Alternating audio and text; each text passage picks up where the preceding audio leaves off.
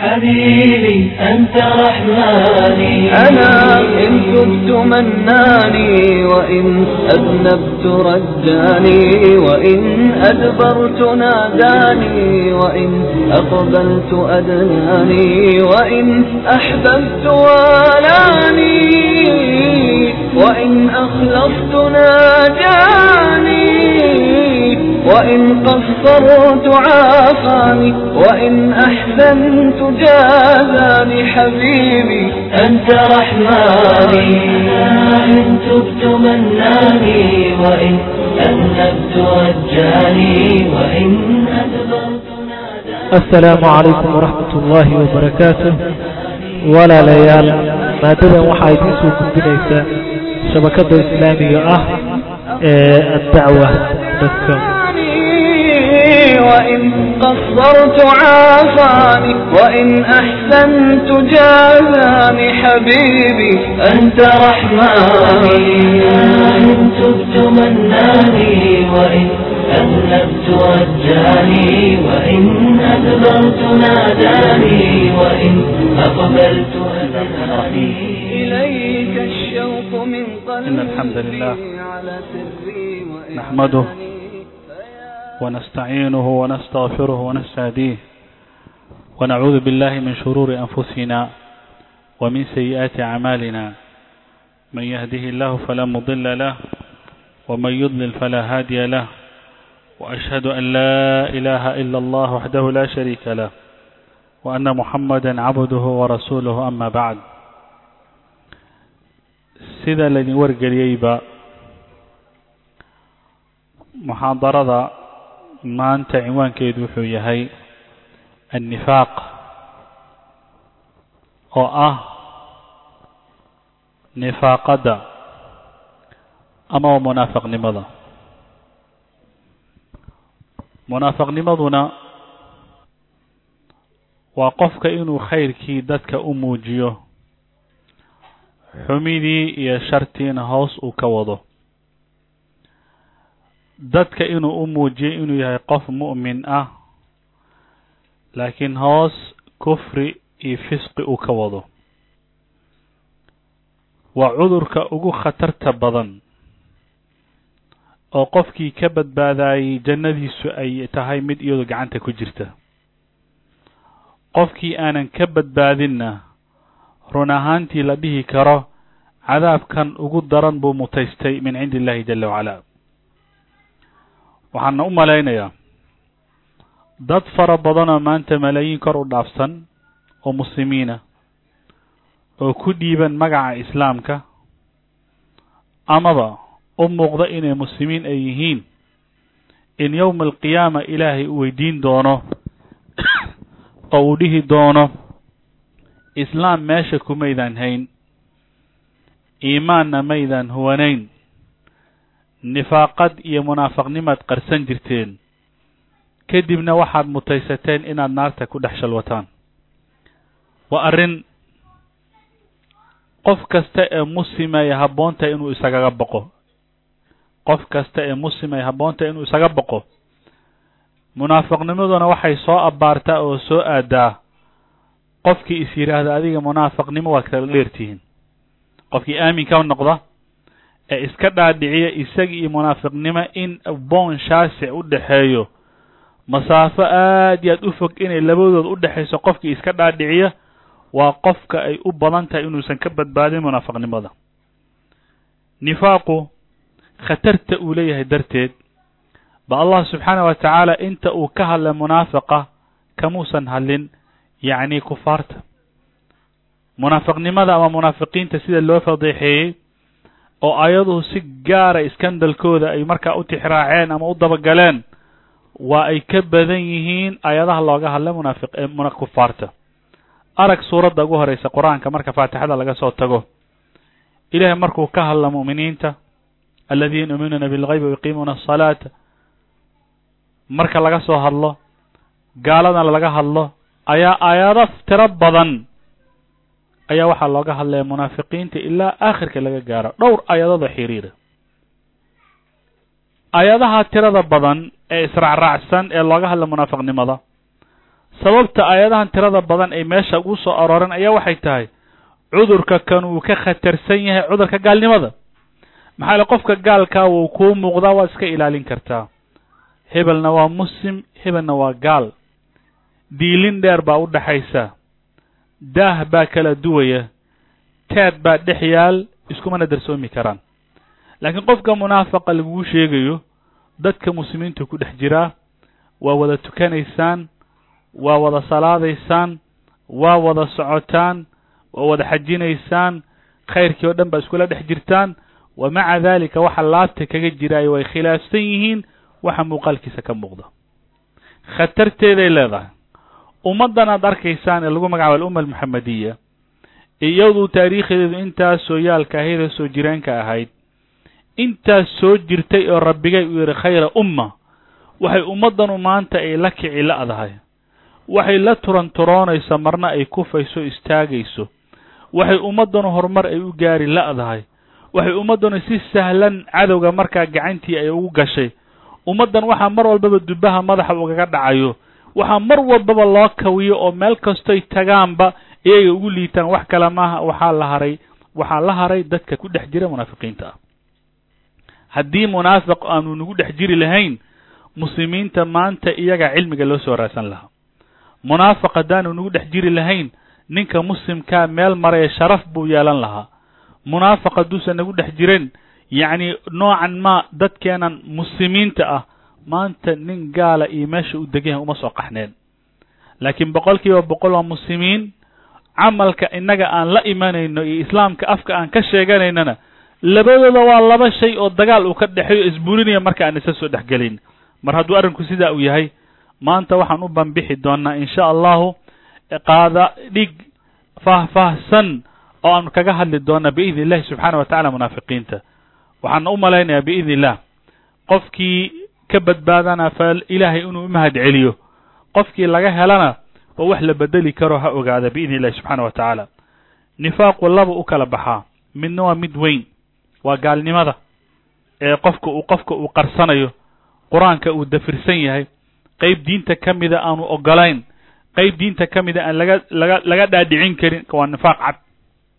Iyo nifaaq yar oo aanan ahayn mid marka aada u weyn kaa marka wuxuu soo gelaya waxyaaba fara badan buu soo gelayaa oo waxaa laga yaabaa qofka dunuubta qarsanaya oo kale. Dembi baad qarsanaysaa qof baa zine qarsanaya qof baa xumi qarsanaya qof baa ribo qarsanaya qof baa wax isdhaadhaafinaya qof baa salaadaha dayacaya oo aanan jeclayn dadkan inay ku ogaadaan waa nifaaq yar weeye.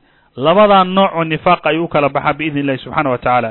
Ilahayna markuu hadlaya wuxuu yidhi ina almunaafiqiina fi daraki alasfali min annaar munaafiqiinta meesha ugu hoosaysa ee naarta la galay gelayaan. Arag ninka gaalka sida lama dhihin ogow. Maxaa gaalku isagu naar buu gelaya un baan maqlaynaa bes.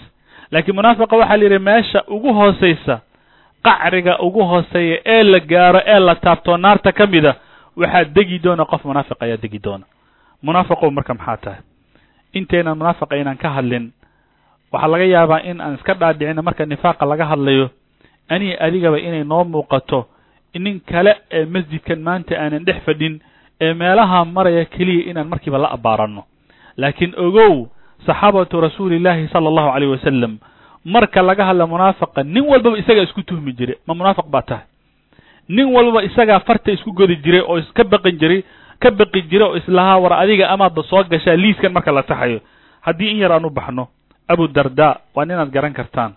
Waa saxaabi sharaftaa markaa leh waxaa dhici jirta markuu ataxiyaadka uu aqriyo ee uu dhammeeyo salaada ilaahay subxaana wa tacala wuxuu ka magan jiray munaafiqnimada wuxuu dhihi jiray allahuma inii acuudu bika min annifaaq allahuma inii acuudu bika min annifaaq allahuma inii acuudu bika min annifaaq ilahu adaan kaa magan gelaya munaafiqnimada ilahu adaan kaa magan gelaya munaafiqnimada ilahu adaan kaa magan gelaya munaafiqnimada intaas soo celcelin jiray. Kadib waa la weydiiyey waxa ya abadarda so adigu ma hid nin saxaabiya hadda waa ninkan cajiibkaa nin wuxuu ahaa iyadoo afar ruux keliya ee muslimiin ay tahay waktiga dabcan la joogay. Ninka wuxuu ahaa islaamka runtii la jahray ee meelaha la maro ilahay dartii loo dhibaateeyey ayaa wuxuu ka baqiyay inuu munaafiq noqdo. Waa la weydiiyey. Markaasuu yidhi wallahi baan ku dhaartaye qof ka badbaadaya markaa malaha waxaa laga yaaba saaka markaa soo toostay adoo iimaankaagu uu buuxo oo salaada subax iyo sunnadeeda ilaahay ku waafajiyey wardi adkaar intii ilaahay ku karaankaaga gacanta ama ku karsiiyey aada soo aqrisay duhurka marka la gaaray inay nifaaqnimo ku soo gasho. Waxaa laga galabtay inaad iimaan meesha la timid markaad caraabaysay meeshaadi aad u laabanaysa nifaaqnimo inaad la seexatid. Laga yaaba sariirta markaad tegaysa inaad mu'minad aad tahay subax markaad soo waa bariisatid inaad tahay qof munaafaqa. Maxay rasuulka sal alla alay slm isagaa yidhi qofka muslimka ama qofka wuxuu arooriyeystaa isagoo mu'mina wuxuu galabaystaa isagoo gaala wuxuu galabaystaa isagoo mu'mina wuxuu arooriystay isagoo gaala. Wuxuu rasuulka sala allahu alayh wasalam qofka isrogrogu isrogrogayo daqiiqada ayaa udhexeeya laga yaaba intaa muxaadaradan aan ku jirno saacadna in ilahi subxana wa tacala iimaankana waafajiyo saacadna nifaaqa markaana waafajiyo ilahay baan ka magan gelayna inu naga badbaadiyo. Ilahay baan ka magan gelaynaa oo nifaaqa waxaana weydiisanayna inu naga badbaadiyo. Xandala ayaa wuxuu leeyahay abubakar baa ila kulmay markaasuu wuxuu weydiiyey ya xandala war maxaad kuwaa bariisatay markaasaa waxaan idhi ya xandala ya abaa bakrin anigu waxaana subxaana allah munaafiq baan noqday. Iimaankayga kaamil maaha. Dhib baan dareemaya xagga iimaanka. Markaasuu yidhi ma sidaaba ahaa? Oo maxaa dhacay? Wuxuu yidhi abubakarow rasuulka markaan la joogno iimaanka laynooga sheekeeyo. Janno iyo naar markii laynooga sheekeeyo aad iyo aad baan u baqnaa waxaad mooddaa jannadana way noo muuqataa naartana way noo muuqataa. Laakiin mushkilada jirtaay waxay tahay markaan guryaheenni aan tagno oo aan ahalka aan la fadhiisanno ciyaalkii iyo dumarkii aan dhex galno marka beyc mushtarkeena iyo tijaaradeena aan eryanayno intaba markaa lanaguma hayo wax iimaana laguma hayo. Waa isbedelnaa. Maba nihima dadkii rasulka sal ly slm la joogay. Waa adoo yidhi oo kale intay muxaadaradu socotana khayr baan dareemayey markaan ka soo tegana albaabkan kaga tegey markaasuu yidhi xamda abubakar baa hadlo wuxuu yidhi war anna sidaasoo kale aan dareemaya abubakar hadda ogow ee la yidhi haddii iimaanka abubakar la saari lahaa kafad ummaddan oo idil iimaankeedana kafad kale la saari lahaa kan abubakar baa xoog badin lahaa la yidhi. Markaasuu yidhi nakaxee bal aan aadna rasulka sal lla alay wasalam labadoodii oo wada socda ayaa rasuulka sal lla alay slam u yimid. Arrinkii bay u sheegeen. Rasuulka sala allahu alay slam si sahlan buu ugu jawaabay wuxuu yidhi ilaah baan ku dhaartay. Haddii xaaladiinu ay ahaan lahayd xaaladda aad ku sugantihiin hadday noqon lahayd xaalad iyadoo daa'im ah oo marka aad guriga joogtaan iyo markaad aniga ila joogtaan haddaad isku mid ahaan lahaydeen oo janno iyo naar ay idiin muuqan lahayd. Haddii marka aad ila joogtaan sida taqwada ilaahay baqdinta ilaahay qalbigiina ay u gelayso ugu soo duxayso haddii laydinka hayn lahaa markaad guryaha aad tegaysaan malaa'ig baabaad noqon lahaydeen soo maaha. Idinka oo sariirtiina jiifa gogoshiina dul fadhiya ayaa malaa'ig intay idiin timaaday in musaafaxayn la waa laydin gacan qaadi lahaa. Laakiin heerkaa maydan gaarin. Walaakin yaa xandala saaca wa saaca. Saacana ilaah baa loo tukadaa. Saacana businesskaagaa la raacdaa. Saacana ilaah baa laga baqaa. Saacana saacadna danaha reerkaagaa la fushadaa. Saacad ilaah baa laga baqaa. Saacadna wax soo baro. Wahaakadaa dawaaleeg macnaheedu waa sidaa. Idan meesha waxaan ka qaadanaynaa marka qofka mu'minkaa iimaankiisu mar walba grade ama graado gaara inuu taagan yahay marna inuu cirkaa isku lalayo uu gaarayo marna inuu dhulka markaa madaxa la geliyo labada xaaladood marna inuu qofka iimaankiisu uu buuxsamayo uu jaarjgaraysmayo danabaysmayo marna uu markaa yahay qof markaa maxay aad iyo aad u liito munaafiqa waxaa dhacday oo kale xudayfa yamaan ayaa waxaa la yidhi wuxuu warinaya wuxuu yidhi cumar bn khadaab baa la yidhi kaalay cumarow qof baa dhintay mayd baa lagu tukanaya kaale ku tuko. Dayib markii sidaa ay dhacda kadib oo meydkii markaa la keenay wuu soo baxay marka. Wuxuu rabay marka inuu tukado. Xudayfa ku dhegay wuxu yidhi ha ku tukanay ninka kan. Maxay xudayfa wuxuu ahaa secretairka rasuulka sala allahu alayh wasalam wuxuu ahaa nin wax kasta ee sira ee rasuulka sala allahu alayh wasalam uu haye lagu siraystuu ahaa. Sir walbaba isaga hayay dadkana uma sheegi jirin. Ilan rasuulka sal alla alay slm mar hore wuxuu u sheegay liis. Dadka isaga la joogaayay ay ku qoran yihiin liiskaa waxaa ka buuxa. Dad fara badan oo munaafiqiina. Xudayfa marka wuxuu yihi kan ha ku tukan waa munaafiqa. Markaasuu yidhi ma hubtaa haa cumar bn khadaab markii lihi ninkan waa munaafiq ha ku tukanin. Horeyna aan looga maqlin xudayfat ibn ninka una munaafiq yahay markiiba baqdin baa soo gashay. Markaasuu yidhi xudayfa ilaah baan kugu dhaariyay rasuulka sala alla alay wasalam ma ii kaa sheegay magaciiga ma sheegay ma munaafiq baan ahay. Meeshaasuu baqdin markaa galay. Markaasuu yidhi maya munaafiq ma tihid laakiin adiga waxa kaa soo haray inay badbaadaan waa adagtay inay badbaadaan aad bay u adagtay idan cumar bn khadaab oo ah khaliifatu lmuslimiin abubakr isagaa ku xigay ayaa wuxuu isku tuhmaya inuu nifaaq markaa ku jiro.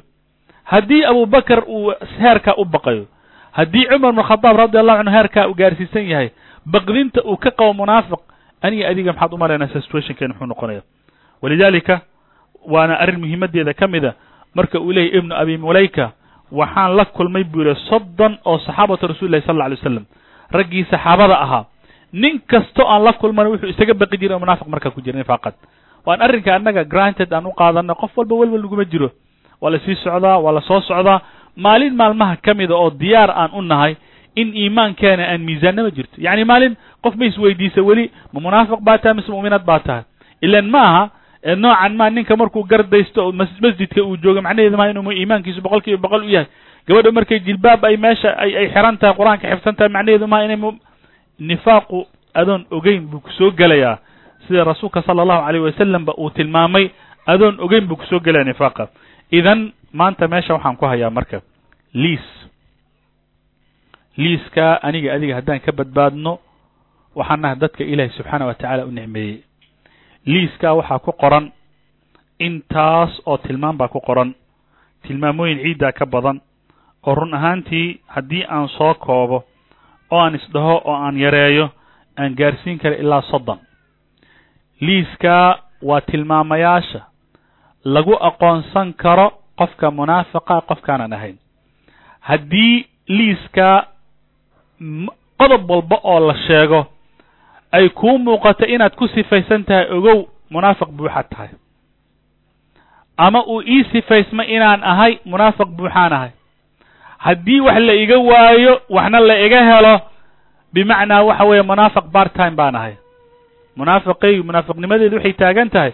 Boqol kiiba toban miyaa kaa soo gaari karta? Ma boqol kiiba labaatan baa kaa soo gaari karta?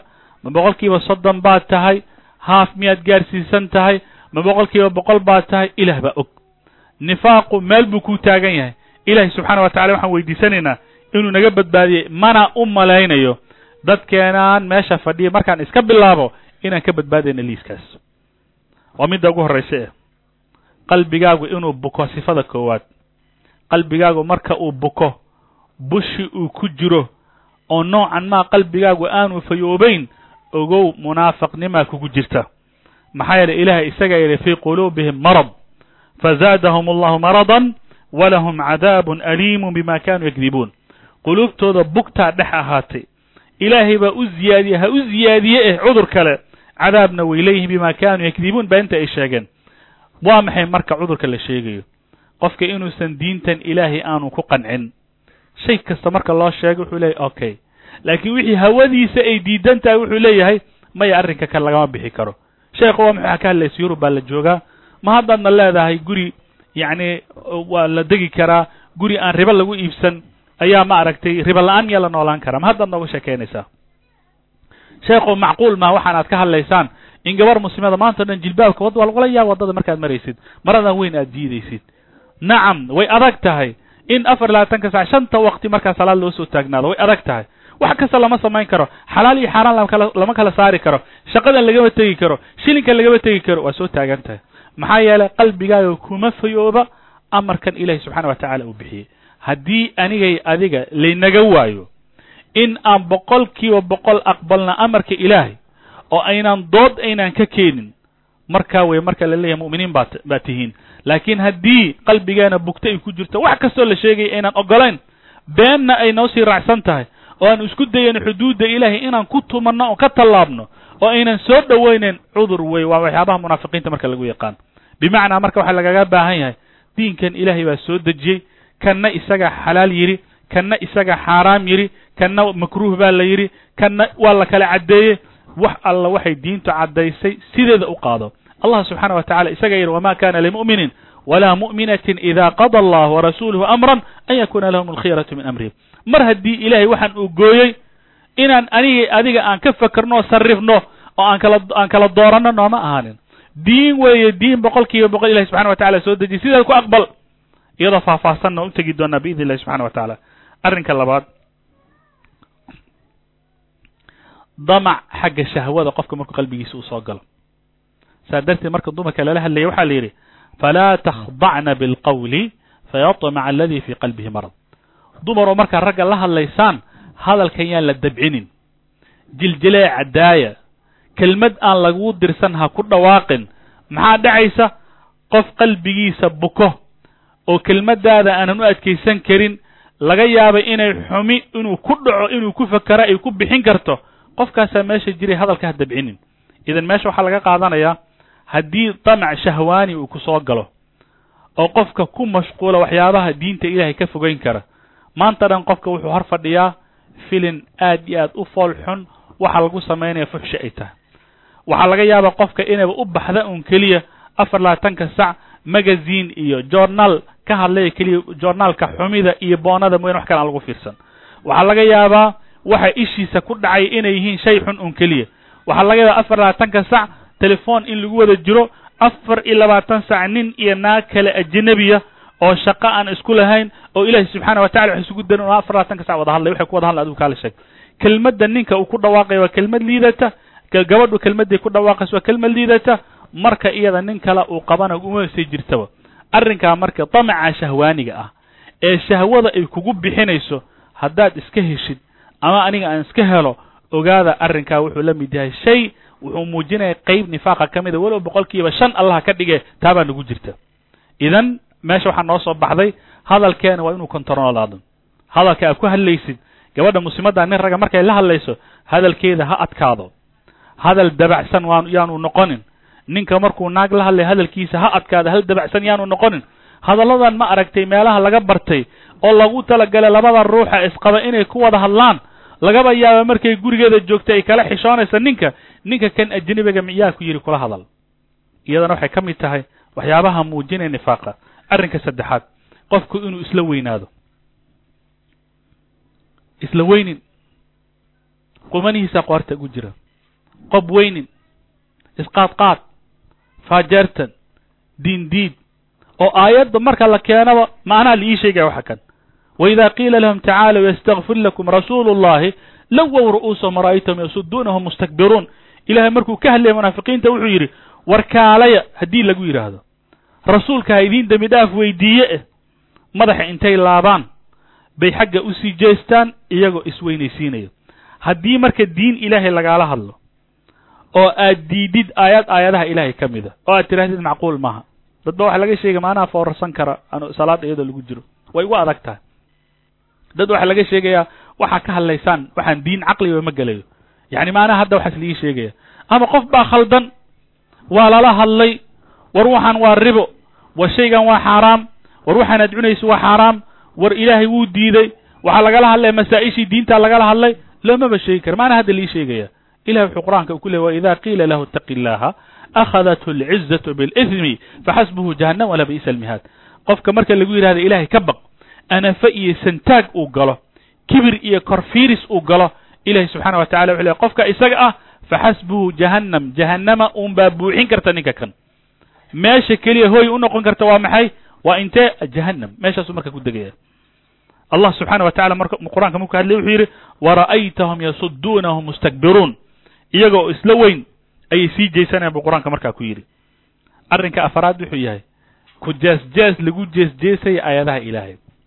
Aayad ilaahay haddaad ku jees-jeesid oo kullamaa aayad la sheego jees-jees aa ka dhigatid waxay ka mid tahay calaamadaha lagu yaqaan qofka munaafiqa. Qur'aanka wuxuu yidhi yaxdaru lmunaafiquuna an tunazala calayhim suuratun tunabi'uhum bima fii quluubihim qul istahzi'u in allaha mukhriju ma taxdaruun.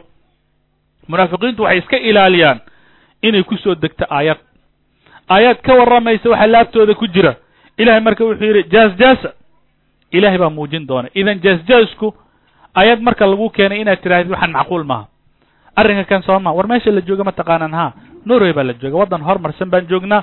Waxaad noo keenaysaa waxyaabihii soomaaliya laga hadli jiro diin laga dhigi jira macquul maha inaad meesha aad keentid.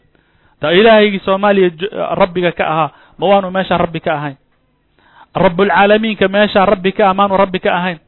Rabbigii shalay labaatan sano ka hor rabbi noo ah maanu rabbi maanta noo ahayn. Maxaa marka ka bedelay diinka ilahay lagu jeesjeesa maxaa keenay? Walidaalika waxa uu tilmaamay. Waxay tilmaamayaan culummada macaani fara badan oo meesha ku soo degdegta ku soo degtay oo aayada ah. Arrin kale wuxuu yahay ku jees-jees lagu jees-jeesaya dadka mu'miniinta ah. Tii hore waxay ahayd aayaadka ilaahay qof mu'mina haddaad ku jeesjeesid ama gabar mu'minada haddaad ku jeesjeesid ama qof mu'minoo ilaahay diinkiisa ku dhegan haddaad ku jeesjeesid arag kuwii waa kuwan teendhada jiidayey kuwii foolmaroodida jiidayey haddii ay kaa gaarsiisan tahay ama ayad marka lagu dul aqriya hadda waa kan nimankiisaan ahaa diinka ilahay marka lagu jeesjeeso wuxuu muujinaya nooc munaafiqa ka mida nifaaqnimada ka mida waida laqu aladiina aamanuu qaluu aamana waida khalow ilaa shayaaiinihim qaluu ina macakum inama naxnu mustahzi'uun markii shayaadiinta ay la kulmaan idinkaan idinla jirnaabelen qolyahan jeesjees un bay naga ahayd.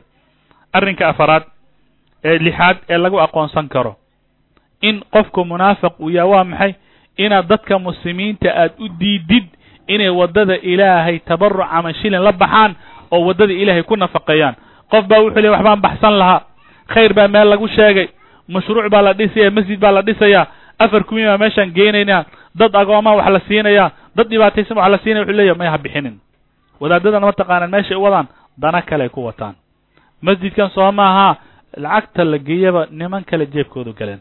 Adigu diyaar uma ahid inaad wax bixisid qofkii wax bixin lahana waad hor taagan tahay waa nooc munaafiqnimada ka mida ilahay isaga qur-aanku ku yidhi hum aladiina yaquluuna la tunfiquu cala man cinda rasuuli illah xataa yanfaduu walilahi khaza'inu الsamaawaati wاlard walakina almunaafiqiina laa yafqahuun ilahay markuu ka hadlaya wuxuu yidhi waa qolyaha leh yaan waxba la siinin dadka mu'miniinta oo rasuulka agtiisa la joogay ilaa ay ka leedaan laakiin ilahi subxaana wa tacala khazaa'intiisa way buuxdaa cirarka iyo dhulkaba ilahi subxaana wa tacala furahooda haya cidduu doonana isaga arsuqa cidduu doonana isagaa u diida. Marka arrinkaa wuxuu muujinaya waxyaabaha la og yahay. Xadiidkan ayaddanu markay soo degaysay zayd bin arqam ninka lagu magacaabayo wuxuu yidhi dullaan baanu ku jirnay. Kadib waxaan maqlay nin cabdullaahi ibnu ubay ibnu saloolo munaafiq weyn haya waxaan maqlay. Isagoo leh yaan waxba la siinan dadka rasuulka markaa la jooga. Hadalkiisana wuxuu ahaa haddaan ku laaban xagga iyo madiina munawara keena sharafta leh kawada xun buu saari doonaa. Arrinkii baan marka adeerkay u sheegay buu yidhi mase cumar baan u sheegay. Kadibna rasuulkaa loo sheegay kadibna rasuulka wuu u yeeray kadibna waxaa loo yeeray ninkii munaafiqa ahaa. Munaafiqii dhaar buu meesha la soo istaagay. Wuxuu yidhi waxba ma dhihi ya rasuul allah kadib rasuulka sal alla alay wasalam ninkii buu rumeeyey anna waa i beeniyey ilaa ayaddanu markaa ka soo degtay. Sifada toddobaad waxay tahay haddii aad dadka muslimiinta aad ku tilmaantid makasnimo oo aad tiraad muslimiintu way liitaan. Dadka mu'miniinta soomaa way dhoohan yihiin. Caqli ma leh waa dad liita. Dad ma aragtay maankooda uu koray maaha dad maankooda uu fadhiyo maaha waa dad dambeeya. Waa mutakhalifiin ilbax ma aha. Waa reebaadiyayaal waa reemiigi remiyi uma baxsana. Iyo wixii la mida. Ilahay isagaa yidhi waida qiila lahum aaminuu kama aamana annaasu qaluu anu'minu kama aamana asufahaa alaa inahum asufahaa walakin laa yaclamuun. Markii la yidhahdo waa dadka siday u rumeeyeen u rumeeya waxay leeyihiin kuwan makasayaasha waxba u kala saarnayn siday u rumayn miyaan u rumaynaynaa iyaga ah buu allah subxana wa tacala yidhi. Arrinka kale ee sideedaada lagu yaqaan waxaa ka mid a munaafiqnimada inuu ninka kanu uu raadsado qof markaan muslim aanan ahayn uu garabkiisa soo dhowaysa muslimiintan iska fogeeyo. Haddii muwaalaadkaa meesha uu yimaado waxay ka mid tahay waxyaabaha munaafiqnimada lagu yaqaan. Bashir ilmunaafiqiina biana lahum cadaaban aliima aladiina yatakhiduuna alkafiriina awliya'a min duni almu'miniin ayabtaguuna cindahum alciza faina alcizata lilahi jamiica haddii laba ruux qolana waa muslimiin kuwana waa muslimiin maaha haddii dadka muslimiinta aad fogaysid oo maanta dhan qof aanan muslim ahayn keliya aad jeceshahay inaad la saanqaadid fakarkaaga inuu ku hago meesha aad ka bixi lahayd tallaabta aad gedinaysid dadka muslimiintaana iska ilaalinaysid waxay ka mid tahay nooc munaafiqnimada ka mida munaafiqnimada waxaa ka mid a ama waxyaabaha muujinaya waxaa ka mid a in muslimiinta maanta dhan jab aad la raadisid. Inay jabaan un baa raadinaysaa. Afar labaatanka saca muslimka inuu liitaad raadinaysaa shaqo kaleba malid maxaa yel ilahay isaga aladiina yatarabasuuna bikum fain kana lakum fatxu min allahi qaluu alam nakun macakum wain kana likafiriina nasiibun qaluu alam nastaxwid calaykum wanamnackum min almu'miniin. Sifada tobnaad waxay tahay qofka inuu ilaahay khiyaameeyo oo cibaadada culays ka galo cibaadadadaa culays ku jirta shay baa laguu dirsaday ma ogolid salaada subax dhib baa ku kacaysaa xoog feer iyo fadlaab soonka sooma marka la gaaro waxaa isku dayaysaa inaad konton cudurdaar keentid saad uga baxsan lahayd. Arrimo xaj baa laga hadlaya iyadoo ilahi subxaana wa tacala hantida ku siiyey nooliga ku siiyey waddadii kuu yeesiray maadan ogolay inaad baxdid. Xijaab baa lagaala hadlaya gabadha muslimadda wakti bay qaadanaysaa say ku aqbali lahayd. Culays baa ka saaran. War mar haddii ilaahi subxaana wa tacaala ku asturay guur xalaala iyo guri xalaala aad leedahay jirkaaganna ilaahi subxaana wa tacaala uu ku yidhi astur war waxaa kuu diiday maxay yihiin inuu culays qofka uu ka galo. Sadaqaa la bixinaya culays baa ka saaran.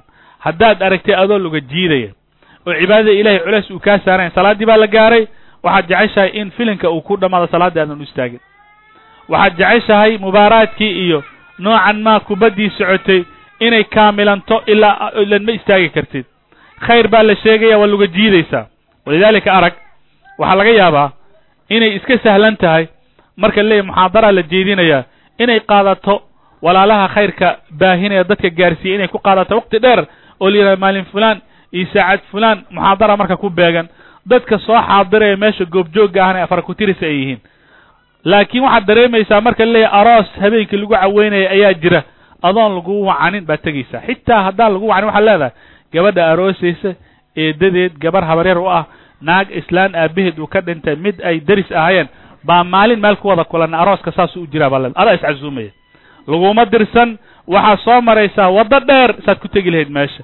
Yacni waddo wadday ku dhiibaysaa laakiin khayrkan sooma masjidka waa kuu furan yahay. War markas baa jira oo khayr baa las laguu sheegaya war mu'tamar baa jira. Waxaa laga yaaba inaad tirahdid meesha lama aaday maxal wadaadda waxaa jira oo xag jireena waxaa jira niman sidaas oo kalea fakerka bal waxaa isku dayaysaa adigii inaad timaad iska daaye. Waxaad dhigaysaa intaasoo isbaaraad hor dhigaysaa ummadda inaysa meesha iman laakiin soo maha hawlaha kale soo maha hawlaha kale adaa iscazuumay uma baahnid adaa isu diray uma baahnid dirac xataa adoo dayn lagu leeyahay dirac kalaa soo daynsanaysaa saad meesha u tegtid habeenkii. Ha hawl aan lagu dirsan. Xataa xalwa karis adoon aqoonin baa iyadoo guguban baa geenaysaa maxaa yeele wax kale maa waxa kaa dhaadhacsan waxa kan ila shaydaan baa ku wata. Habeenkii oo dhan baa soo taagnaanaysaa hal habeen oo bisha ka mida salaatulail uma taagnaan karti hal habeen oo bisha ka mida toban daqiiqa haddii lagu yidhaha salaatulail waxaad leedahay maya dhakhtarki wuxuu yidhi dhiig la'aan baa laga qaadaa sonkor baan qabaa lafa xanuun baan qabaa meesha romatism baa laga qaadaa habeenk dhagax loma konton cudur baa sheegaysaa. Ramadaan baa la gaaray konton cudur laakiin hawshan habeenkii aad digdiglaynaysid ilaa waaga uu ka beryo ma aqaan meesha marka ajirka uu kaaga imanayo qofkii nashaad wey qof firfircoon oo orday oo xoog badan wey waxaa laga wax kastaba diyaar ba uta walidaalika waxaa la ogaaday xitaa waktiga keliya ay dumarka guriga perfect ugaga shaqeeyaan. Ninkuna ay ninkana ay raalli geliyaan. Owlaadana boqol kiiba boqol ay ay aad iyo aad u tira taaray inay tahay habeenkii aroos u soo aadayso habeenkaa wax kasta odayga meel bay ku tuuraysaa ilmuhu meel bay wakti horay seexinaysaa iyadana waa isku aadinaysa. Ilan waxay rabtaa in mashruucaas aan markaa laga taaban oon laga hadlin. Laakiin ka waran haddii salaatuleyl la sheega ma iman karto. Ramadaan meeshan waa lagu tukadaa waxaad arkaysaa dumarka yimaado afar iyo shan inay yihiin oo shaqaba ku lahayn. Ama hadday yimaadaan buuqba laga tukan waayo microfonka salaadda aan ka aqrin weyno laakiin arooska sooma aadaabtiis waa la ilaalinaya. Walaalayaal isku duubnaano. Shantiinan xagga u shantiinan xagga isugu beerta. Hawl aan loo dirsanin waa wasiirad meesha ka shaqaynaysa. Intaa waxaan ugaga baahannahay fi lmasjid dakhil masjid. Waxay ka mid tahay nooc nifaaqa ka mida arrinka kale munaafiqnimada lagu yaqaan waxa watana ilahi subxana wa tacala qur'aanka uu leeyahay ina almunaafiqiina yukhaadicuuna allaha wa huwa khaadicuhum wa ida qaamuu ila asalaati qaamuu kusaala. Salaadda markay aadayaan lugihii dhulka ku jiidayaan yuraa'uuna annaasa dadkayna istustusinayaan walaa yadkuruuna allaha ilaa qaliilan. In yar bay ilahay xusaan waa tan ilahay qur'aanka uu ku yidhi. Arrinka kale wuxuu yahay ko iyo tobnaad munaafiqnimada waxaa lagu yaqaanaa qofka inuu labalabeeyo. Xaggana waa jiraa intana waa jiraa nifaaq baa la sheegay imaan baa la sheegay marna muslimiintu la tukanaya. Kufri baa la sheegay xaggaas kufrigu qofka diyaar u yahay. Labada meel meel aad ugu soo hagaagi kartid markaa ma laha. Ilahayna wuxuu yidhi mudabdabiina bayna dalik laa ilaa haula walaa ilaa haula waxay u dhexeeyaan marna xaggay jiraan marna xaggay jiraan mu'min ma aha oo buuxo islaamnimada aad ku tirisid imaannima iimaanka aad ku tirisid. Ma aha qof gaalnimadiisu ay caddaha gaalnimo aad ku tirisid. Labada ru meel buu udhexeeya waxayna ka mid tahay waa marka laba wajiilo qofka uu noqdo khatarteedana leedahay. Muslimiintaan wada joognaa soo maha salaadeyda soonkayga shay walba waa xalaal shay walba waa iska ilaalinaya. Laakiin markaan aan ag jooga dadaan muslimiin aanan ahayn waxaa laga yaaba gabadha muslimadda inaanay kala jeclayn salaanta ay tuurayso ay ajnabiga ay salaamayso inaysan kala jecleen wax kasta oo agteeda lagu sameeyo waa aamusaysaa qas kasta oo la sameeyo waa cadi waa u nugloon tahay mushkilad ma leh. Laakiin muslimiinta marka la jooga sooma kan waa xaaraam kan waa xaaraam kan waa xalaal wax kastaba okay. Laakiin markaan dad kale aan la joogno dhibkeeda marka leedahay. Walidalika waxaa loo baahan yahay wejiga aad masjidka ku joogtid kalaaska iyo jaamacadda ku joog iyo shaqada meesha aad ka shaqaynaysa. Wejiga dadka muslimiinta aad kula joogtid kula joog dadkaana muslimiinta aanan ahayn. Walidalika haddii la heli laha wallahi alcadiim qof muslim ah iyo gabar muslimada oo iimaankeeda iyo dhaqankeeda aanu isbedelin markay gaalada la joogtay markay muslimiinta la joogto oo ay gaalada markay la joogtana ay ballanta ilaalinayso oo muslimiinta markay la joogto ballanta ilaalinayso oo muslimiinta markay la joogto xaaraamta iska ilaalinayso oo gaalada markay la joogto xaaraamta iska ilaalinayso. Shay walbaba siduu yahay u fulinaysa. Dadkan aan la degannaha mar hore islaamka qaadan lahayn. Mar hore islaamka fahmi lahayn laakiin islamka waxay la qaadan la'yihiin innaga xitaa markaan meel tagno niraho islaam baan dadka u sharxaynaa meesha soo hor fadhiisano waxay wadaadadiina waxaad ku hadlaysa. Waxayna leedihiin ma aragtay musaafaxada nin iyo naag inay gacan isgeliyaan waa xaaraam? Baad ku haysaan. Dumarkiina jilbaabka watan annaga ma aragtay maalmu is gacan qaadnaa. Waxaad nooga sheekeynaysaan khamraha xaaraama. Rag fara badan oo muslimiina oo magac soomaali leh ayaa meesha khamrada aan wada cabnaa. Waxaad leedihin waxaan looma dabaaldegi karo waa la sameeyaa. Marka ma idinkaa kala hadlaya. Marka waxay nagu kalifaysaa inaan dhahno qolana waa diintay ku camal fashaa qolana kuma camal fasho. Ninka gaalkaa su'aal kale soo celinaya wuxuu leeyahy waxaan fahmi waaye wuu ku camal falay iyo kuma camal falay macnaheedi maxay tahy qofka inuu muslim noqdo waa la garta walidalika arag ninka keliya ee dadkan ma aragtay soo islaama ee ajaanibta markuu soo islaamo waa aragtay islaamkana si fiican buu u bartaa dhaqankiisu waa perfect wax ka salatuleyl badan. Markaa ma laha wuxuu og yahay ama in gaalnimo la galo xaggaas la galo ama in islaam la galo u og yahay. Labada wax ka dhexeeya markaa ma laha laakiin inuu meeshana fifty ku noqdo intaana fifty ku noqdo ama xaggana uu jiro inta uu jiro waxay ka mid taha waxyaabaha inaga dhibka naga haysta ka mid taha islam walidalika ilaa hal personality aan ka yeelan hal shaksiye oo markaan gaalada aan la joognay markaan muslimiinta joognay ilaa mid aan ka noqonayno markaan guriga keligay ahay iyo markaan dibadda taaganahay ilaa mid aan ka noqdo ilahay wuxuu leeyahy alaa inahum yahnuuna suduurahum liyastakfuu min alaa xiina yastakshuuna siyaabahum yaclamu ma yusiruun ilahay wuu og yahay yusiruun markay guriga joogaan oo bustaha isku dadayaan waxa aad ku fakeraysa ilah wuu la socdaa. Xamaamka markaa keliga ku jirta ilah wuu la socdaa. Guriga markuu ka intaasu sakatuura kuu saaray ilah wuu la socdaa. Dibaddaa markaa maraysa ilah wuu kala socdaa. Allaha mar walbaba saa kugu haya kamerada inaad ilahay ka baqdid wey maanta waxaa laga yaaba arag integrityga wuxuu gaara maanta in la yidhahdo qofki inuu yihahdo meeshan gaariyaha la tartiibi xagga kameradii baa ku dhegana may meeshan marka la gelaya iska ilaaliya qofku is ilaalinaya ka waran kamerada ilaahay oo afar labaatanka sac daqiiqad walbaba xaalad walbaba yaclamu mutaqalabakum wamathwaakum markaad gadgadoomaysaan iyo markaad meel ku negtihiin allaha la socda ka waran alaa yaclamu man khalaqa wahuwa latifu lkhabiir ka waran afar labaatanka sac ka waran saa oo ay tahay ayaa haddana lagu sii raaciya laba malag. Saa oo ay tahay haddana kiraaman kaatibiin.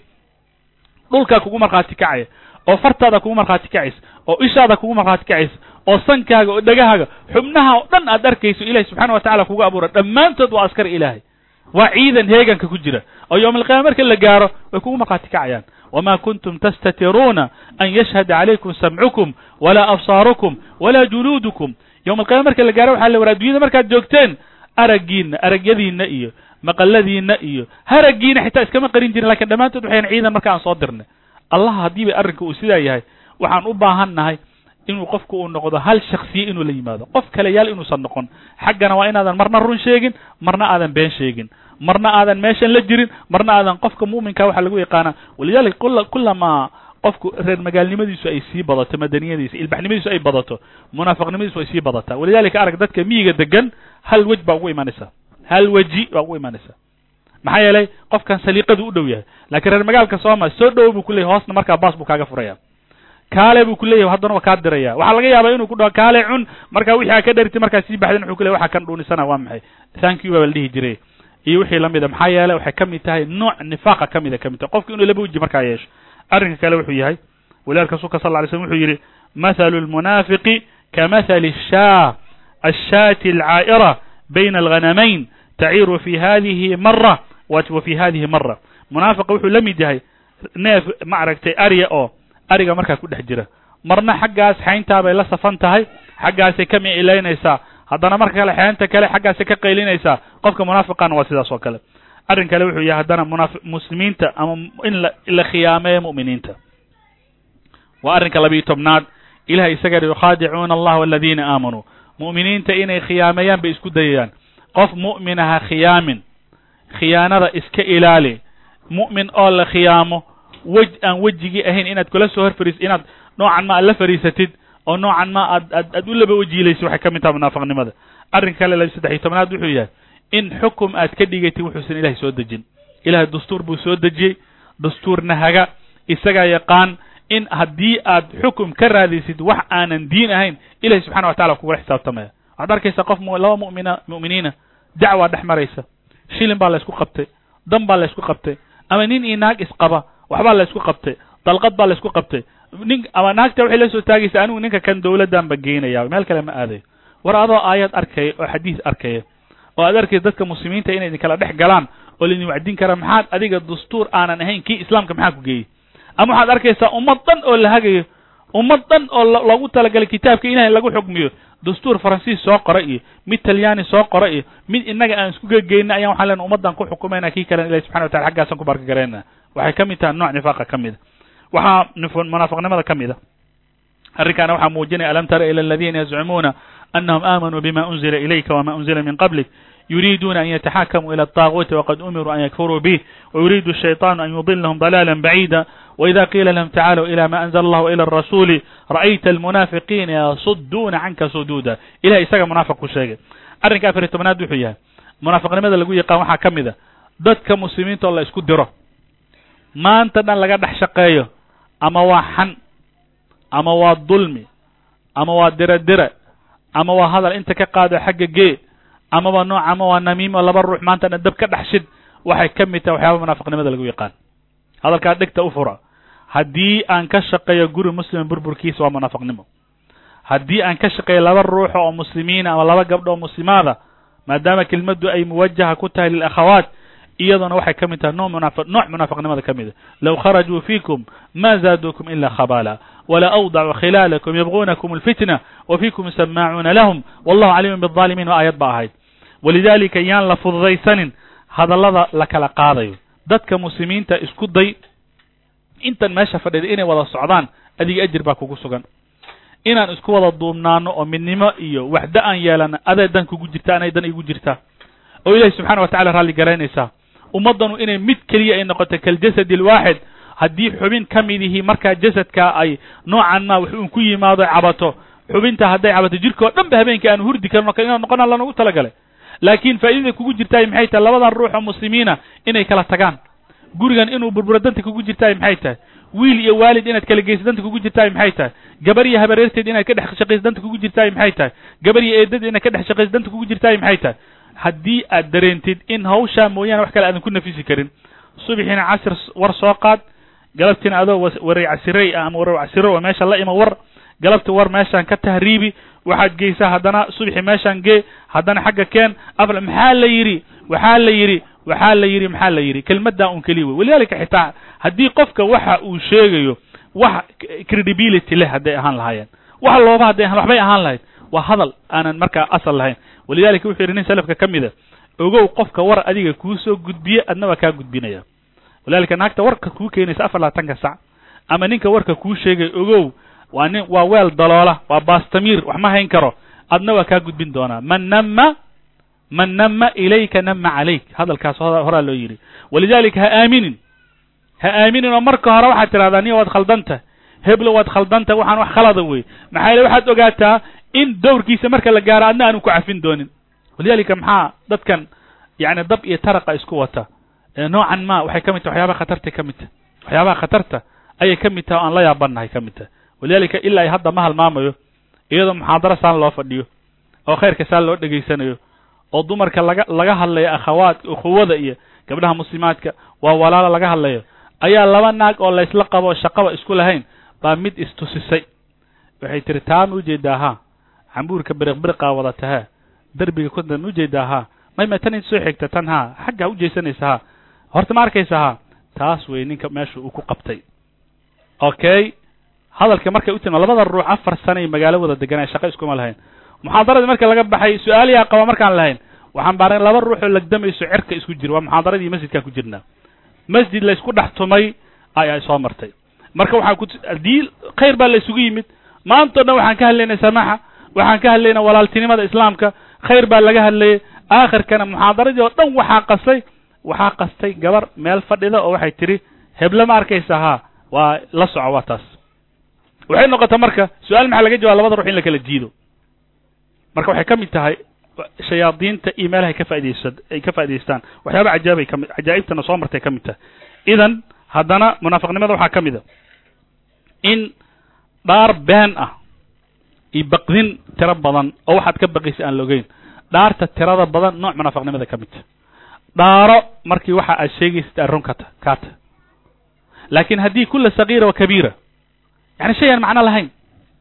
Shay aana macno lahayn aad og inaad been ku sheegaysid waxay ka mid taha noc munaafiqnimada ka mid a ilahay isaga yidhi wayaxlifuuna billahi inahum la minkum wama hum minkum walakinahum qowmun yafraquun. Waxay ku dhaaranayaan inay idinka idinka mid yihiin laakiin idinka mid maaha laakiin baqdin baa ku jirta. Low lajiduuna malja'an aw magaaraatin aw mudakhala lawallow ilayhim yajmaxuun hadday heli lahayen meelay ku baxsadaan oo goda way geli lahaayeen. Nooc munaafiqnimada ka mid walidalika waxaa la diiday noocan ma marka aad wax kala gadanaysaan dheh qiimaha shayga kan wuxuu igu fadhiya intaas intaana waan kaasi. Wallahi alcadiimtaa iska jooji. Waxaa macnaha wallahi alcadiimtaa in qofka uu soo celceliyo waxay ka mid tahay nooc nifaaqa ka mida arrinkaana inaan ka digtoonaano. Arrinka lix iyo tobnaad wuxuu yahay sifada lix iyo tobnaad.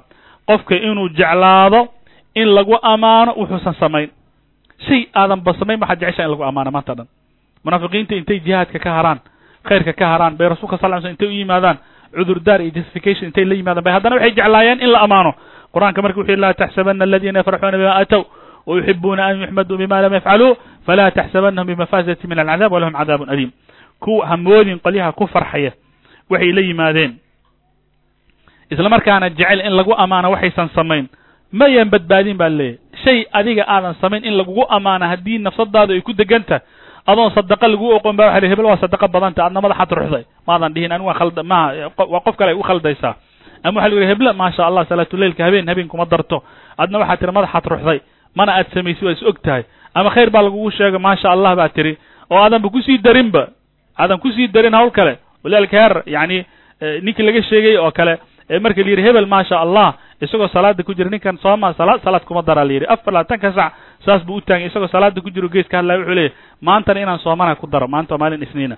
Yacni wuxuu jecel yahay camal uusan isaga samayn in markaa lagu sii ammaano arrinka kale ee toddobiyi tobanaad wuxuu yahay camal wanaagsan markay arkaan munaafiqiinta ceeb bay ka sheegaan. Sifada toddobiyi tobnaad haddii camalka saalixa ah dad baa masjid dhisaya dad baa wanaag ka shaqaynaya dad baa ummaddii ka shaqaynaya ummaddaa la baraarujinaya khayr un baa la samaynaya dad baa ummaddii horbooday yani horbooday oo le khayrka sameeya. Qofkii meesha intuu fadhiista negativeka ah aanan jeclayn markii dacwo la wado maantana inu inuu wiiqo jecel markii ummadda meel isugu imanaysa inuu kala dhantaalo kulankooda jecel markii shilin meel lagu bixinayo rabay inuu isbaaro dhigto jecel afar labaatanka sax haddaad aragtid inaan camalka muslimiinta wax ka sheegaysid waxaad ogaataa nifaaq marka inuu qofka markaa ku jiro ilahay qur-aanka isagaa ku yidhi aladiina yalmizuuna almuطawiciina fi الsadaqaat wاladina laa yajiduuna ila juhdun fayaskharuuna minhum sakhr allahu minhum walahum cadaabun aliim aayaddaas waxay leedahay ibnu mascuud baa fasira wuxuu yidhi sadaqa la baxa layna yidhi kadibna nin baa wuxuu la yimid yacni ma aragtay hal haaf oo markaa madaal oo markaa wax ku jiraan. Yani in yaroo labada sacab wax u dhigma. Nin kale haddana wax kale la yimid. Nin kale w sadaqadii baa marka la ururinaya buu yidhi. Nin munaafiqiinta ka mid ayaa meesha wuxuu yidhi intuu saa arka buu yidhi in allaha laganiyun an an can maali hada ilahay waxaan oo kale uma baahna. Ma haddaad leedahay sadaqa masjid in la dhisaya toban koron baa baxsanaya maxay tahay ma haddaad leedahay soddon koron baa bixinaya sadaqadaada ha la xishoonin. Ninka wax ka sheegaya dadka muslimiinta camalka ay qabanayaanna ilahay subxaana wa tacaala yowma alqiyama cadaab buu u diyaray waa nooc nifaaqnimada ka mid a. Camal kasta ee la qabta ha yaraysanin. Shay kasta adiga ha yaraysanin. Haddii qof muslima uu sameeyana ha yaraysanin. Waa inaad qofka muslimka ah aad ilaahay u barisid oo ilahay aad aad maaragtay tirahdaa allah muwafiqu fi khayr. Ama inaad arrinkii markaa hor istaagto waxay ka mid tahay nooc munaafiqnimada ka mid a. Waxyaabaha nifaaqa lagu yaqaan waxaa ka mid a ninka munaafiqa wuxuu raalli ku yahay shayba shaygu ka liito. Wa ida unzila suura an aaminuu billahi wajahiduu maca rasuulihi ista'danaka uli طawli minhum wa qaluu darna nakum maca alqaacidiin. Ma jecla waxay jecelyihin waxyaabaha ugu liita. Walidalika waxbaa laga hadlaya khayr khayrka meesha ugu liitu ka bilaabaya. Qofka mu'minka waxaa lagu yaqaanaa nafsadiisa waxay ku qanacdaan keliya meesha ku sarrayso khayrka. Ha ku qancin wax sahlan. Khayr marka laga hadlayo. Salaatuleyl waxaan ahayn ha ka soo so ka dhicin salaadaha shanta waqtiga lagu tukado waxaan ahayn markaa ha aqbalin. Qur'aan ilahay oo la khatiimo wax kale ha aqbalin. Lakin inaad tiraad maxa mushkilad ma laha. Waxay ku khayr dhan oo la qaban waa la sunneeya bay ku waa la sunneeya in yar un ka samee way kugu filan tahay. Camalka haddii wax wax liita haddaad ku qanacdid ogow noocan ma iimaankaa waxbaa ku jira. Arrin kale wuxuu yahay ee munaafiqiinta lagu yaqaan inay dadka ka reebaan wanaagga xumidana faraan. Ilahay qur'aanka isaga ku yidhi almunaafiquuna walmunaafiqaatu bacduhum min bacd ya'muruuna bilmunkar wayanhawna can ilmacruuf munaafiqiintu way way isdhaleen waa kuwo markaa iska kala farcamay. xumiday isfaraan wanaaggan waa iska reebaan. Haddii innaga oo dhan oo maanta khayrka aan isu sheegi weyn midkeen khaldan haddii la dihi war war khaldanta. War hebla waad khaldanta. War hebel waad khaldanta. Waxa sidaa u samaynaysa wax khaldan. Salaadda sidaan looma tukado. Wanaagga sidaa baa loo sameeyaa. Labadiinan maxaa isu dagaashantihiin heshiiye war khayrkan haddaan isfari weyn. Laakiin aan isfarno keliya xumida. Amaba wanaaggii intaan ka aamusno xumadii labadaba maynaan samayn laa xumina maynaan farin wanaagna maynaan samayn shaytaan akhras buu rasuulka u sheegay. Qofka iskhayrka arkaya dadkana xumida aanan ka reebin wanaaggana aanan faraynin waa shaydaan aanan af lahayn buu yidhi. Marnaba islaamku ma aqbalayo inuu society-ga ama bulshada uu soo dhex galo qof negative'a. Ama khayrka dadka u sheeg ama sharta ka celi ama inaad tirahdo anigu labadaba khayrna ma sheegayo sharna ma celinayo meeshaan fadhiisanaya adiga iyo kan sharta sheegay isku mid baa tihiin. Iyadana waxay ka mid tahay waxyaabaha lagu yaqaan bay ka mid tahay. Nifaaqa waxaa lagu yaqaanaa qofka in meeshii laysaga yeero oo dadka muslimiinta la yidhahda halgan baa ka jira khayr baa marka kan meesha lagu soo dhicinaya hadduu ka gaabiyo waxay ka mid tahay waxyaabaha lagu yaqaanay ka mid tahay. Waxyaabaha lagu yaqaan munaafiqnimada waxaa ka mid a altakdiil walirjaaf. In maantana muslimiinta baqdin aad gelisid aad tirahdid oo ciidanka maanta looma dhowaan karo muslimiinta maanta dhan inaad gelisid wallah muslimiin baa tihiin waktigiini lama gaarin lugaha dhulka dhigta inta ka baxa iyo wixii la mida iyadoo marxaladana marxalad kulul ay tahay waid yaqulu lmunaafiquuna waladiina fi quluubihim marad ma wacdana allah warasuluhu ila gurura waid qalat طaa'ifatu minhum la ya ahla yasriba la muqama lakum farjicuu ويستأذن فريق منهم النبي يقولون إن بيوتنا عورة وما هي بعورة إن يريدون إلا فرارا waxaa ka mid ah iyadoo muslimiinta maanta gargaar kaaga baahan tahay iyadoo lagaaga baahan yahay muslimiinta gargaar ay kaaga baahan yihiin oo la raba garabkooda inaad istaagtid inaad ka gaabisid waxay ka mid tahay nooc munaafiqnimada ka mid a iyada oo rasuulka sala allahu alayh wasalam iyo ciidankiisu ay sii socdaan inaad tidhahdeen maanta anigu fasaxa laysiiye xaggaan aadayaana nooc munaafiqnimada ka mid tahay. Waxaa ka mid a iyadana marka qofkii inuu cudurdaar tiro badan maantana la yimaado khayrka marka laga hadlayo. Waxyaabaha nifaaqa ee ugu daran waxaa ka mid a waa arrinka shan labaatanaad baan soo gaaray inuu qofka dadka iska qariyo. Adugu waxaa kugu daran un keliya bini aadamka inay ku arkaan. Bini aadamkaa iska ilaalinaysaa laakiin waxaad doontid qas. Waa masaladii afkaan ku soo dhufanay yastakfuuna min annaas walaa yastakfuuna min allahi wahuwa macahum id yubayituuna ma laa yardaa min alqowl wa kana allahu bima yacmaluuna muxiita waxyaabaha nifaaqa lagu yaqaan waxaa ka mid a in aan ku faraxno muslimiinta markuu jab ku yimaado dhib marka muslimiinta ay soo gaaraan. Haddaad is aragtid tan waxaa laga yaba saan u badan inaan ka badbaadna biidn illahi subxana wa tacaala. Maantana muslimiintu inay jabaan unbaad ku farxaysaa sida ilaahay qur'aanka uu ku leeyahay in tamsaskum xasana tasu'hum wain tusibkum sayi'atu yafraxuu biha wain tasbiruu watattaquu laa yadurukum kayduhum shay'a. Ina allaha bima yacmaluuna muxiit sifada ugu daran ee in laga badbaadaya ee adagta waxaa ka mid a qofka markuu sheekeynayo inuu been sheego markuu ballan galana uu guub yeeloo ka baxo. Markuu doodayana ay ujeeddadiisa tahay un keliya hebel yuusan kaa dood badinin. Saddexdaas sifo way israacsan yihiin. Haddaad aragtid in beenta aadan ka tegi karin. Afar labaatan ka sac. Hadda waxaa jirta been luga leh iyo mid aan luga lahayn. Mid aan laguu dirsan baa jirta wax ay ku kordhinaysa ayaan jirin. Laakiin adaa cudur cudur baa igu jira. Si baan u xanuunsanahay. Waxaan rabaa nuqsaan aniga igu jirta inaan kabo afar labaatan ka sac beenta un baa sheegaya sheekaa la sheegayaa waxbaa la sheegaya waxa le wa waxbaa dhacay anaa goobjoog ka ahaa. Okay arrinkaa shirkaasaa dhacay wasiirka waa anaa ku soo dhaweeyey meesha. Hawshan baa la sameeyey anaa waxaan arkay waa waxaa lagu dirsan. Iyo beentu beenta waxaa la baneeyey saddex xaalood baa la baneeyey. Waxaa la baneeyey laba ruux oo muslimiina markay isdagaalaan in been lagu heshiisiye waa la baneeyey. Inaad tidhahdo war hebla waxay ku lahayd walaashay muslimadda ah. Anaa ka gardarana hala iisoo hoy diyaarano inaan la heshiiye tan kale u imanaysa waxaa leedahay hebla waxay lahayd walaashay muslimadda anaa ka gardaran waa loo baahanya beentaas oo kale. Maxaa yeele waxaad samaynaysaa chemistry. Labadan ruux baa isku xiraysaa waa loo baahanya beentaa waa lagu baneeyey taa adeegsada oo dad fara badan yacni oo ahlu khayra oo waxaa laga yaaba waxaan macno lahay inay ku kala dideen. Beenta adeegsada. Beenta kale la baneeye waa maxay? Ninka iyo naagta isqaba si markaa guriga u dhaqmo been baa loo baneeyey inuu maanta ninka been ku cabo yidhaahdo bisha soo socota afar sadoo dahabaan ku gadaya una hore u socon. Way bannaan tahay. Adna aadan dhihin masaajkaa lagaga soo sheegay inaad been sheegayso waa ogaha dhihin. Waxa laga inu run sheegayo. Haddaba ha iska qarxinin ama waxaa laga yaabaa gabadha muslimadda inay ninka tirahdo waxaa iyo waxaa iyo waxa waxaan kuu samaynay way bannaan tahay in madax la iska qabsado. Oo been la isku sheego way bannaan tahay. Waa goorma gurigan suu u dhaqmo. Beenta waxaa la baneeyey haddii gaale iyo muslimiin ay dagaalamayaan qof muslima oo meel ku dhuunto inaad adna aad arkaysa inaad tiraad maanan arkin. Beenta saddexdaas xaaloodaa la baneeyey wixii ka soo hara soo ma been banaan ma jirto. Intaa wixii ka soo hara waa xaaraam.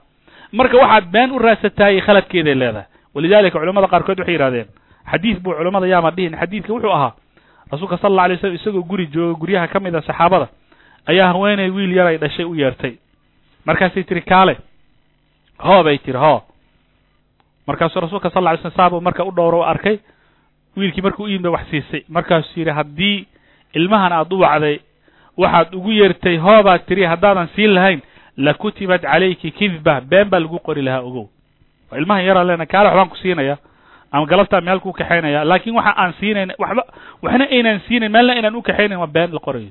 Waa beenta yani ilahay subxana wa tacala ma cafinayo qof baa wuxuu ku yidhi kaale kaale nala qaday baa maanta lagu yidhi maadan soo qadayn laakiin wa may ma alxamdulillah waa dharganay mana dharganin dadku maanta waxay ku magaan carabta waxay yidhaha alkidb albayda ama alkidb alabyad beenta cad been cad ma jirto kulli waa madowda noocan ma waxbaa lagu dirsa waxaa leedahay waxaa lagu yidhi kaale tafadal may may dan baan leeyahay danna ma lihid waxay ka mid tahay beenta annaga aan fududaysanay laakiin la qorayo walidalika qofka mu'minka inuu ku dhaqmo runta ilaa inay beentu islaax tahay heshiisiin dad baa la heshiisiinaya. Adigii qof inaad isku dhacdaan baad ka baqday soo maha heshiis ahaan u isticmaal. Labada ruux isqaba guriga waxaa la diidayaa noocan ma inuu burburo waa lagu ogolaaday. Laakiin in been iyadoo joogto ah oo noocan ma waxbaad beecinaysa waxaad leedahay mobileka soo maha saddex kun oo koron baan ka soo bixiyay laakiin adiga maadaama walaashay muslimadda walaalka muslim aad tahay kun iyo shan boqol ku qaado. Saddexda kun waa bog wax kama jiraan. Waxaad rabtaa laakin beeca inaad ku fulisid. Ilahi subxana wa tacala wuu diiday. Waxaa la mid a ballan baad gashay ballantina waad ka baxday. Ballamaha ballanta la galo in laga baxaayo nooc nifaaqa ka mid ay tahay. Xadiidka rasuulkay ku caddahay ballanta sideeda ugaga soo bax. Kama bixi kartid soo maha sheeg marka horeba. Ama way kugu adkaatay soo maha gaarsii laakiin waan imanayaa maana imanaysid. Waan keenayaa ma keenaysid. Waan kula joogaa lama joogtid khaladkaan joojinaya ma joojinaysid taa waxay ka mid tahay waxyaabaha khaldanay ka mid. Wa idaa khaasama fajar marka la doodayo haddii ay kaa tahay un keliya ka adkaw qofka kan muhiimadaadu ay tahay qofka kan geed isaga xir adoo gar daran oo khaldan oo lagaa daliil badan yahay lagaa burhaan badan yahay baad murmaysaa. Waxay ka mid tahay nooc nifaaqa ka mida. Waana rasuulka sala allahu alayh wasalam wuxuu xadiidkii cabdullahi bni cumar uu ku yidhi afar ruux qofkii laga helo nifaaqnima laga helo buuxda. Qofkii mid ka mida laga helana nooc nifaaqa ka mid ayaa ku jirta. Hadduu been warkuu warramayo hadduu been sheego. Markuu ballan gala hadduu ka baxo. Markii uu ma aragtay uu yidhaahdo uu doodana faajirnimo uu la yimaado cahdigana marka uu ga gadaal ugaga gurto waxay ka mid tahay waxyaaba nifaaqa lagu yaqaan. Ta iigu daran waa tan marka. Qodobka siddeed iyo labaatanaad ee lagu aqoonsado salaad waktigeeda joogta in dib loo dhigo. Dan kugu bixisayna ma laha. Salaada subax. Ibnuqayim wuxuu leeyahay markuu ka hadlayay aayad aayadda uu fasirayey wuxuu yidhi salaada subaxna waxay tukadaan marka qoraxda ay soo baxdo. Salaada casirna waxay tukadaan marka ay qoraxda ay dhacayso markaasuu yidhi salaada munaafiqa waa sida waa sida. Xadiidkii rasulka sal ly slm wuxuu leeyahy munaafiqa salaadiisa waa ninka sugta iska suga ilaa qoraxda ay ka dhacayso. Markay qoraxdaa dhici rabta is yidhaahda ayuu sidii tukihii dhulka markaas saddex jeer u kakawiyaa kadibna wuxuu leey salaadii waan dhameeyey salaadaha annaga aan leenahay telefon baan dhamaysanaya salaada casirna way taaganta aad leedahay noocan ma mubaaraad ama kubad baa ii socota sida dhalinyarada lagu yaqaan salaadana way taaganta ama aad leedahay shir baan ku jiraa salaadana way taaganta ama aad leedahay noocan ma salaadii subax baa la gaara waxaad leedahay saacadda waxaad ku buuxinaysaa waktigii jaamacadda ama kalaaska ama shaqada aad aadi lahayd salaadana waxay soo gashay four o'clock. Hadna waxaad ku buuxi six o'clock. Six waxaad ugu buuxisa noocan ma shaqada inaadan inaadan ka habsaamin? Ilan haddaad ka habsaantid ama waa lagu fanishaya ama lacag baad weynaysaa laakiin ma ogid fanishaada ilahay inay tahay naar. Ma ogid minuska aad weynaysid inay tahay ajri inaad tahay ma ogid.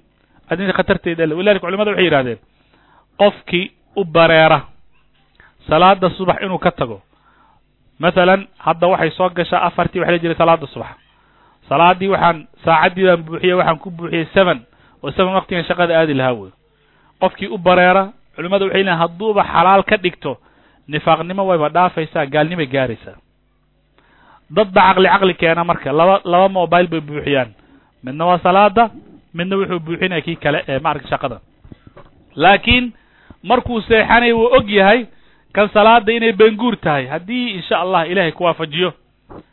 Laakiin niyaddiisa maxaa ku jirta? Shaqada marnaba mobilkaas waa ku soo kacaya. Mahma kaanat whatsoever waa taaganya ilahay subxaana wa tacaala caqli caqligaas waa fahmaya wuunu kula socdaa. Rabbulcaalamiin ilaahay uma caga wareejin kartid ma khiyaami kartid ma siri kartid. Alaa yaclamu man khalaqa wahuwa latiifu alkhabiir ahmiyaddeeda marka leedahay. Waxyaabaha lagu yaqaan waxaa ka mida munaafiqnimada in uu qofka uu ka daaho ama salaada jamaacada dib ugaga gurto. Salaada jamaacada waxay waajib ku tahay raggay waajib ku tahay. Dabcan adiga waajibkuguma ah haddaad tahay haweeney muslimada ama gabar muslimada haddaad tahay. Laakiin waa maxay? Kan ku qabaayo ama walaalka ama kan maxramkaaga ah ugu kaalmey inuu salaada jamaacada aado. Oo ha dhihin ma aragtay maanta waa maalintaadii ilmaha hay salaad jamaacada taagan khayrka ugu kaalmee oo waxaad tidhahdaa aad oo caawi. Arrinka kale ee lagu yaqaan waxaa ka mid a munaafiqnimada af adeyg iyo af xumi oo qofka xishoodkaba inuu ka tago. Rasulka sal ly sl isaga alxayaa walcayu walciyu shucbatani min aliimaan. Qofka inuu xishoodo hadalkiisana yaraado waa laba qaybooda iimaanka ka mida walbada walbayaanu shucbatani min annifaaq. Qofka inuu af xumaado oo maantan aan hadlana waxay ka mid tahay laba qaybood ka mida munaafiqnimada. Wey af xumida markaad hadlaysay hadal wanaagsan dooro. Oo si wanaagsan ula hadal waquluu qawlan sadiidan qur'aanka isagaa yidhi hadalka xun ha la daayo. In gabar muslimada walaasha magaca ayaan jeclayn ha ugu yeerin. Guriga marka la joogo qofka magaca uu jecel yahay ugu yeer. Ilmaha adiga aad dhashay magacay jecel yihiin ugu yeer. Dadka sida adiga aad jeceshahay in lagu ixtiraamo dadka u ixtiraam. Laakiin haddii aad magac xun aad ku sheegtid ama qofka meel aad kaga dhacdid ama nasabkiisa ama qabiilkiisa meel aad kaga dhacdid ama danihiisa gaarka aad faragashid afar labaatanka sacna sarsaro fara badan oo aan faa'iido lahayn maantana waa la hadlaa un hadal tiro badan hadal tiro badan oo aanan haan buuxinayn haddaad la soo taagan tahay waxay ka mid tahay nooc nifaaqa ka mida ka mid. Tahay walidaalika hadalkaagu markuu bato khaladkaagaa bata gefkaagaa bata xantaadaa badanaysa xumidaadaa badanaysa isku dirkaagaa badanaya carabkaaga control marka waxay ka mid tahay waxyaabaha lagu yaqaanay ka mid tahay. Waxyaabaha lagu yaqaan munaafiqnimada waxaa ka mid a heesta oo la dhegaysto waxay ka mid tahay munaafiqnimada haddii wax kasta laga badbaado dhalinyarada tan bay ay ka badbaadeen. Saa darteed wuxuu rasuulka sala allahu alay cabdi mascuud wuxuu yihi radi allahu canhu alghinaau yunbitu annifaaqa fi lqalb heesta oo la dhegaystaaye munaafiqnimay qalbiga ku beeraysaa waxay ahayd riwaayaad kale sida roobka marka uu soo da'aba dhulka markaa u dhirta ugaga soo saaro. Walidaalika ka ilaali dhegahaaga heesta ka ilaali ilmahaaga heesta ka ilaali. Mobilekaaga heesahan kugu duuban ka jooji. Oo intaasoo melodi baa jira maxaa kanlkii kugu khasbay heesta oo aan nidhaaho ma macquul maaha in la noolaado iyada la'aanteed waxay ka mid tahay nooc nifaaqa ka mid a. Haddii wax badan aan ka badbaana tabaynan ka badbaadeen meeshaa waxaa noo soo baxay soddon iyo kow oo tilmaamood oo aan is leeyahay labadeennaba haddaan ka wada badbaadno qaar baa na galfanaya oo na jalfanaya oo ma badbaadayno ilahi subxaana watacala weydiisan inu naga badbaadiyo su'aasha kale waxay tahay waa yahay sideen kaga badbaadi karaa nifaaqa. Waxaan kaga badbaadi karaa kow salaada oo wakti hore aan ka tukado. Takbiirat alixraamna aan haleelo khaasatan ragga salaada jamaacada looga baahan yahay. Anas baa waxa lagi rasulka sal lla lay slam inuu yidhi qofkii afartan maalmood jamaaca ku tukada. Allahu akbarta koowaad markuu imaamka yidhahda isagana allahu akbar yidhaahda. Laba beri noqosho ayaa loo qoraa. Naartana waa laga badbaadiyaa munaafiqnimada waa laga badbaadiya afartan maalmood oo xiriira allahu akbar markuu imaamka yidhahda haddaad allahu akbar ka daba dhahdid munaafiqnimo adiga is arki maysaan iyo naarba biidn illah number labo munaafiqnimo waxaa looga badbaadaa adoo akhlaaqdaada wanaajiya diinka ilaahayna barta. Maxaa yeele xadiidka rasuulka sal lla alay slam wuxuu ahaa khaslataani laa tajtamicaani fi munaafiqin xusnu samtin walaa fiqhun fi ddiin. Laba arrimoodba qof qof munaafiq qalbigiisa ma soo gasho. Dabci wanaagsan iyo akhlaaq wanaagsan iyo diinta oo la barto. Diinta adoo ad haddaad is aragtid adoo diinka baranaya ama aad is aragtid dabcigaaga inuu wanaagsan yahay ogow munaafiqnimada ilahi subxana wa tacala ka badbaadinaya. Sadaqada tirada badan. Sadaqadoo lala baxo waxay ka mid tahay waxyaaba munaafiqnimada looga badbaado. Hadalkaa dhagaha u fura. Abu malik alashcari waxaa laga wariyay inu rasulka sal alay slam uu yidhi alطuhuuru shatru liimaan daahirnimada ama tahaaro qaadashadu waa qeyb iimaanka ka mida walxamdu lilahi tamla'u lmiizan alxamdu lilahna iyo miisankay buuxisaa. Wa subxaana allahi walxamdu lilahi tamla'aani aw tamla'u maa bayna asamaawaati walard subxaana allahi alxamdu lilah marka la yidhahdana samaawaadka ardada buuxsamaya waasalaatu nuurun salaadu waa iftiin waasadaqatu burhaanun meeshaasaa u socday. Sadaqada lala baxana waa caddayn qofka kan iimaankiisa caddaynaysaa qof mu'min oo yidhi shan karoon baa la baxaya qofkaasi isagii munaafiqnimo oo kala dheer yihiin.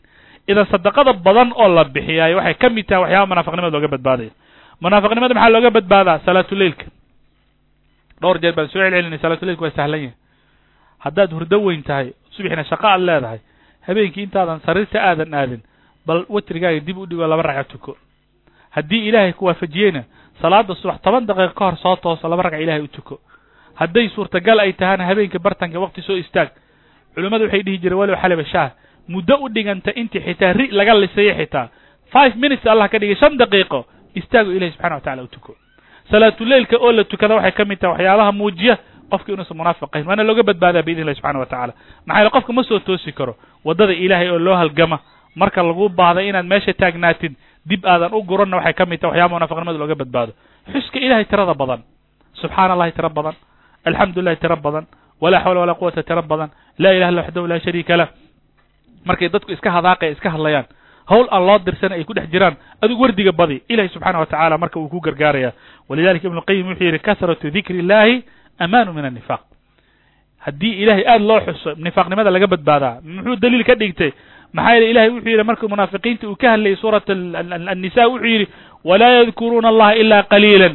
Ilaahay in yar bay xusaan bes munaafiqu in yar buu ilahay xusaa. Adna marka in badan ilahi subxana wa tacala xus. Haddaad arid qof maanta dhan wardinayo oo salaad un ku jira oo qur'aan aqris badan qofka isaga munaafiqnimo oo kala dheeryihin waxaa looga badbaadaa ducada tirada badan. Middan wey midda hubka ugu fiican ina afar labaatanka sac niraa ilahuna badbaadi. Waxaan hadalka ku soo bilowday abudarda salaada marka uu ka baxay ataxiyaadka uu dhameeyey muxuu dhihi jiray allahuma ini acuudu bika min annifaaq salaadaada ilahay ku bari oo markaad sujuudsan tahay oo markaad socotid.